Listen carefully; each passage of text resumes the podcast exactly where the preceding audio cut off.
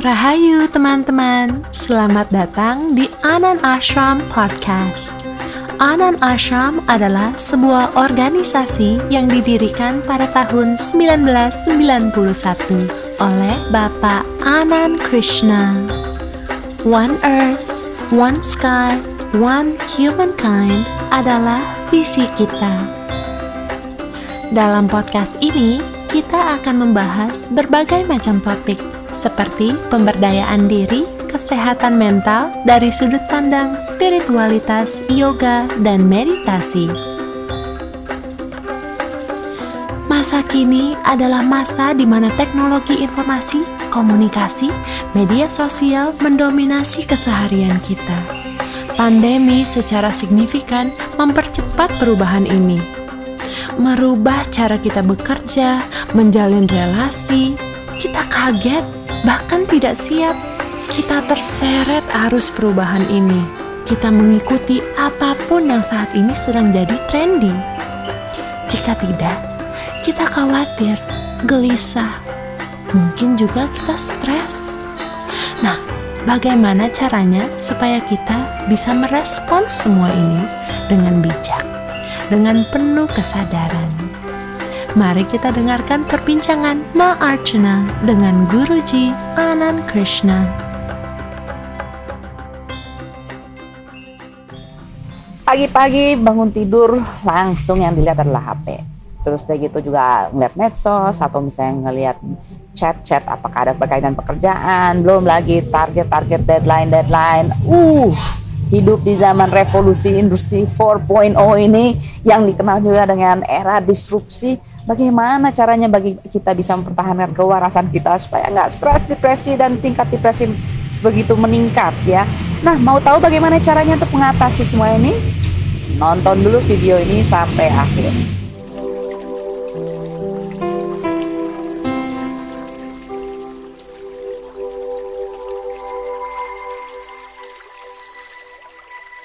Rahayu, nama saya Maharchna, senang sekali bisa menjadi host Anda dalam video channel ini bagi Anda yang memang tertarik untuk mencari kebenaran ya. Dan sangat berbahagia kita dengan pagi pagi ya karena saya syutingnya pagi hari ya. Jadi pagi hari ini bersama Guruji. Guruji, bagaimana Rahayu. sih Rahayu? Gimana caranya untuk mengatasi semua ini uh, hidup di zaman revolusi industri 4.0 nih istilahnya sekarang uh, dengan medsos dan ya dengan zaman milenial juga dan segala sesuatunya adalah inginnya serba instan, serba instan, kompetisi semakin banyak. Tapi gimana caranya supaya tidak depresi, supaya tidak stres, tidak gila? Ada tipsnya Guruji? Shift of consciousness, semua jargon-jargon ini, apa pun yang muncul sekarang ini, dulu tidak ada jargonnya Nggak ada ya? Dulu tidak ada, tidak ada istilah-istilah itu masa revolusi. Dan sekarang masa revolusi apa itu? Revolusi industri. Industri. Revolusi industri 1.0, 2.0, 3.0, hmm. 4.0. Waktu sedang terjadi 1.0, ya. nggak ada yang memunculkan istilah itu. Kita aja sekarang memunculkan istilah-istilah. Kan senang sekarang istilah-istilah versi 1, versi 2 karena exactly. kan semua segala sesuatu dengan teknologi. Exactly. Mungkin kalau kita hidup kembali di zaman yang sekarang kita sebut 1.0, mungkin bagi mereka itu sudah 5,0. Oh. 5,0 mungkin, mungkin mereka sudah menjalankan empat sebelumnya. Bisa jadi. Jadi you see the thing is, fokus kita ini pada hal-hal di luar. Ya. Banyak orang menggunakan istilah antara becoming and being, ya, dan mengagung-agungkan being. Coba bicara dengan orang-orang ini. Mereka juga suka menulis buku, memberikan ceramah-ceramah. Tanya kepada mereka, apa maksudnya becoming and being? Apa maksudnya? Persoalannya setiap orang yang bicara tentang era disrupsi, masa ini, revolusi ini, bla bla bla bla bla, seluruh fokus mereka adalah pada becoming pada becoming itu berarti badan bahasa Indonesia berarti apa? Menjadi. Menjadi, menjadi right? No, not menjadi. Becoming apa ya? Si bahasa Indonesia itu agak sulit. Bagaimana menerjemahkan becoming and being? Menjadi jadi jadi. being is menjadi, becoming is menjadi. Exactly. becoming akan menjadi being menjadi I don't know bingung juga guru mengikuti tren di luar ya oke okay, mengikuti tren di luar you can become trendy oke okay, mengikuti tren luar kita menjadi trendy tren di luar adalah pakai baju seperti apa ya. tren di luar adalah rambutnya seperti apa ya. tren di luar adalah bahasa gaulnya seperti apa ya. tren di luar adalah sekarang kalau mau kerja mau ketemu orang nggak di taman lagi tapi di coffee shop. Itu menjadi trendy. Trendy. Itu menjadi. So you're following outside trends. Oh, ya, Ini becoming. Eksternal jadi Eksternal. Eksternal. Kita lagi ikuti tren di luar. Ya. Dan kita memproyeksikan tren itu juga kepada binatang piaraan kita. Semuanya kita berikan sesuatu yang lagi trendy. Uh, seperti misalnya, anak juga itu ya seperti misalnya lagi tren anjing dibajuin ya. Yeah. atau video tentang kucing atau video tentang anjing this is becoming ini adalah becoming menjadi sesuatu yang sebetulnya bukan dirimu menjadi sesuatu yang sebetulnya, sebetulnya bukan, bukan diri. menjadi diriku ini saya mencoba untuk memproses semuanya yeah. You know, kita sekarang sedang mengikuti tren di luar yang sebetulnya tren tuh tidak sesuai dengan kodrat kita sebagai manusia Indonesia. Sedangkan being? Sedangkan being is to be. What are you? Sebelum kita diberikan uh, paspor atau KTP atau uh, diberikan agama tertentu oleh orang tua atau apa. What is your real you? Ketika kita lahir, gak punya nama, ya. tidak belum punya agama, belum punya kepercayaan, belum punya apa-apa, belum punya uh, gelar akademis, belum punya apa-apa, but you're already there. Jadi being Sudah itu lahir. being itu lebih ke lahiriah. Lahiriah. So you are born as what? As human being. Yes.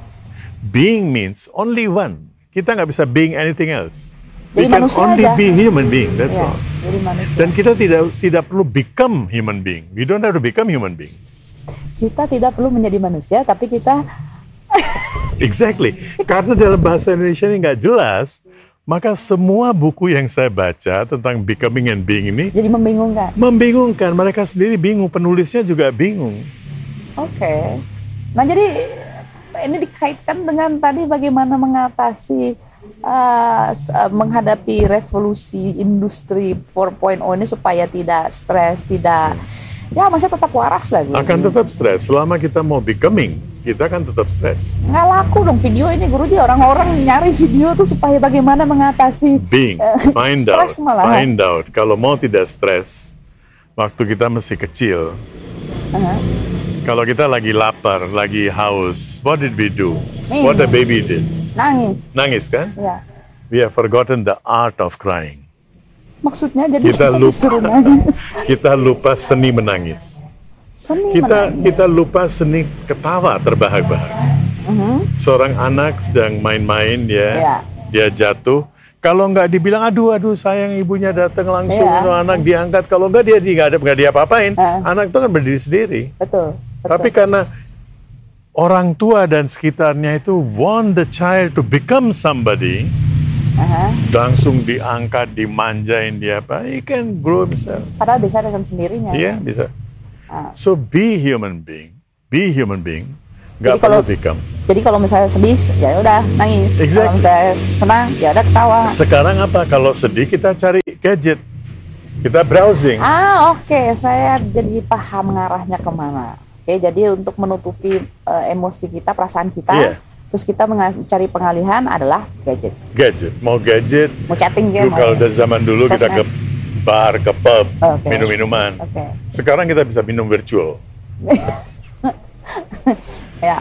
Zaman dulu atau zaman dulu kita masih masih masih ada kemanusiaannya. Kalau lagi punya masalah, you call your lover, your boyfriend, your girlfriend. Kalau punya lover, kalau nggak punya teman kali ya. Oke. Okay. Oke okay, teman. Oke. Okay. Ya. You need a shoulder to cry on yeah. bahasa Inggrisnya. Yeah. Sekarang itu nggak ada. Sekarang you're becoming, you're becoming, you're following the trend. Upload status biasanya. Kenapa? Upload status biasanya. Ya, upload status. Hmm. Jadi kan kita eksternal, masalahnya di sini. Ya. Tapi kita mencari solusinya di luar. Ya. That is the problem. Jadi gimana cara mencari solusinya ke dalam, Guru? go inside, inner journey. Mungkin setelah mendengarkan ini, kita mulai sadar bahwa ternyata kita sering sekali terbawa dengan kondisi di luar. Mungkin ada beberapa dari kita yang ingin menjadi sesuatu atau seseorang yang lain dari jati diri kita sendiri. Mungkin juga ada beberapa dari kita yang memaksakan diri, dan hal ini malah menjadi sumber dari kegelisahan kita sehari-hari. Adakah yang merasa seperti itu? Berbagilah pengalaman kalian bersama kita di Instagram at Anan Ashram atau Anan Ashram YouTube channel. Untuk informasi lebih dalam lagi, teman-teman dapat mengunjungi website kita di www.ananashram.or.id. Tips Meditation. Meditation. Meditation is about inner journey. Meditation adalah masuk ke dalam dan mencari tahu what is happening to me. Ya. Dulu saya tidak punya gelar, dulu saya tidak punya apa-apa, dan saya happy. Sekarang saya punya gelar, punya apa-apa. Seharusnya saya lebih bahagia kan? Ya. Kok tidak? Hmm. Find out what is happening. So meditation is about finding out. Kita mencari tahu apa yang sedang terjadi. Kesalahan saya di mana? Gak usah menggunakan jargon-jargon di luar ini, karena kesalahan kita tetap sama. Kesalahan leluhur kita juga itu, kesalahan kita juga sekarang masih itu. Nah kalau misalnya kita ingin memberikan tips SOS untuk memulai meditasi, bagaimana caranya? Pertama-tama, meditasi itu begitu simple, sehingga nggak usah belajar, nggak usah bayar. Ya. Ya, nggak usah bayar. Nggak usah, bukan nggak usah belajar, tapi nggak usah bayar. You can do it on your own. Unless mau kita mau masuk ke tingkat-tingkat yang lebih advance Ya. atau apa ya. Simple yang natural. Sederhana sekali adalah napas. Karena Modalnya napas dan pikiran ini saling berkaitan. Saya selalu memberikan eh, contoh seperti satu tongkat. Satu ujungnya adalah napas, satu ujungnya pikiran. Kalau satu ujung eh, terpegang, ujung lain akan terpegang secara otomatis. Jadi kalau kita mau pegang pikiran, pikiran saya lagi kacau nih. Saya mau me- me- menentramkan pikiran setengah mati. Nggak bisa loh, hampir nggak bisa. Not possible. Tapi kalau saya bisa uh, mengendalikan napas saya, napas saya teratur, pikiran akan ikut teratur. Ya. Jangankan pikiran, saya pernah punya masalah besar sekali dengan aritmia. Until now also I have problem. Saya punya problem dengan aritmia karena kondisi tertentu, you all know ya, di, dibuat oleh kondisi di luar. Kondisi di luar menciptakan kondisi aritmia itu. Then I have to go inside, saya melihat ini memang diciptakan oleh orang-orang di luar. Tapi aritmia ini kan terjadi pada diri saya. Ya. Kenapa saya mau diperlakukan seperti itu? Ya. Dan ketika saya menemukan itu dan saya bisa melihat, karena kita sudah punya background juga, bahwa jantung, napas, dan hidup ini saling berkaitan. Ya. Ketika kita bisa mengendalikan napas, debaran jantung pun akan terkendali. Saya tidak mengatakan saya bisa hidup untuk selamanya. Dengan kondisi ini mungkin eh, masa hidup saya itu berkurang berapa berapa eh, tahun ya. But saya bisa mengendalikan. Nah, bagaimana cara mengendalikannya? Pasti orang-orang yang nonton video ini lagi mencari tipsnya gimana. Tarik napas panjang tanpa dipaksa. Eh, saya melihat banyak orang belajar meditasi diberikan napas, tapi pernapasan, tapi napas itu dipaksa. Tarik napas, buang dengan keras. Itu untuk kondisi-kondisi lain. Untuk kondisi sehari-hari, tarik napas pelan-pelan, dan waktu menarik napas itu mengisi perut dengan udara segar. Sehingga napas itu bukan cuma sampai ke dada, sampai paru-paru, tapi sampai perut, bahkan kalau bisa sampai di bawah perut. Tarik nafas. Tarik napas. Nah kalau kalau kalau kita belum bisa mengembungkan perut dulu, ini agak tegak sedikit. Harus tegak. Kalau nggak tegak, kita napas kita tuh nggak akan eh, mulus, nggak akan ya. So dengan bisa duduk dengan kondisi apa pun, bisa bersila, tapi punggungnya agak tegak. Dan ketika menarik napas, perutnya harus dikembungkan, bukan ke- dikembungkan, harus mengembung Mengembung. Ya. karena ada udara segar. ya. Ya. Kalau belum bisa seperti itu, buang napas dulu. Kita buang napas dan perut ditekan ke dalam. Bisa dengan dua tangan, bisa dengan satu tangan ya. Buang napas perlu ditekan ke dalam, di bawah, di bawah, di bawah. Uh, udel. udel, ya, di bawah udel. Tekan ke dalam. Kemudian sekarang saya menarik napas nih. Tekanan dilepaskan. Buang napas, tekan lagi. Jadi nggak perlu konsentrasi atau apa, cuma menarik napas, buang napas. Nggak usah dihitung, ya kira-kira berapa menit begitu.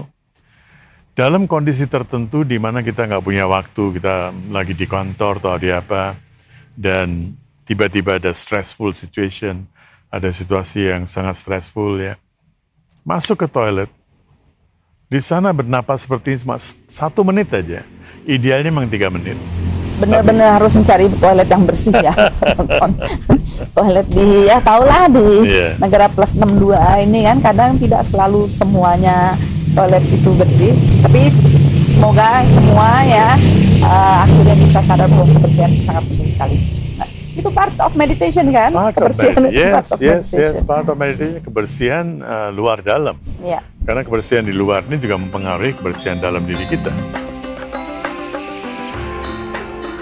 Perubahan bukanlah sesuatu hal yang mudah terlebihnya di masa kini di mana segala macam perubahan terjadi dengan begitu cepat dan signifikan, kita membutuhkan alat untuk menjaga agar kita tetap sehat dan jernih dalam pikiran saat menghadapi semua ini. Meditasi atau inner journey adalah alat yang sangat efektif. Mari kita membuat satu kebiasaan yang baru, yaitu untuk meditasi setiap hari. Semoga episode hari ini bermanfaat bagimu.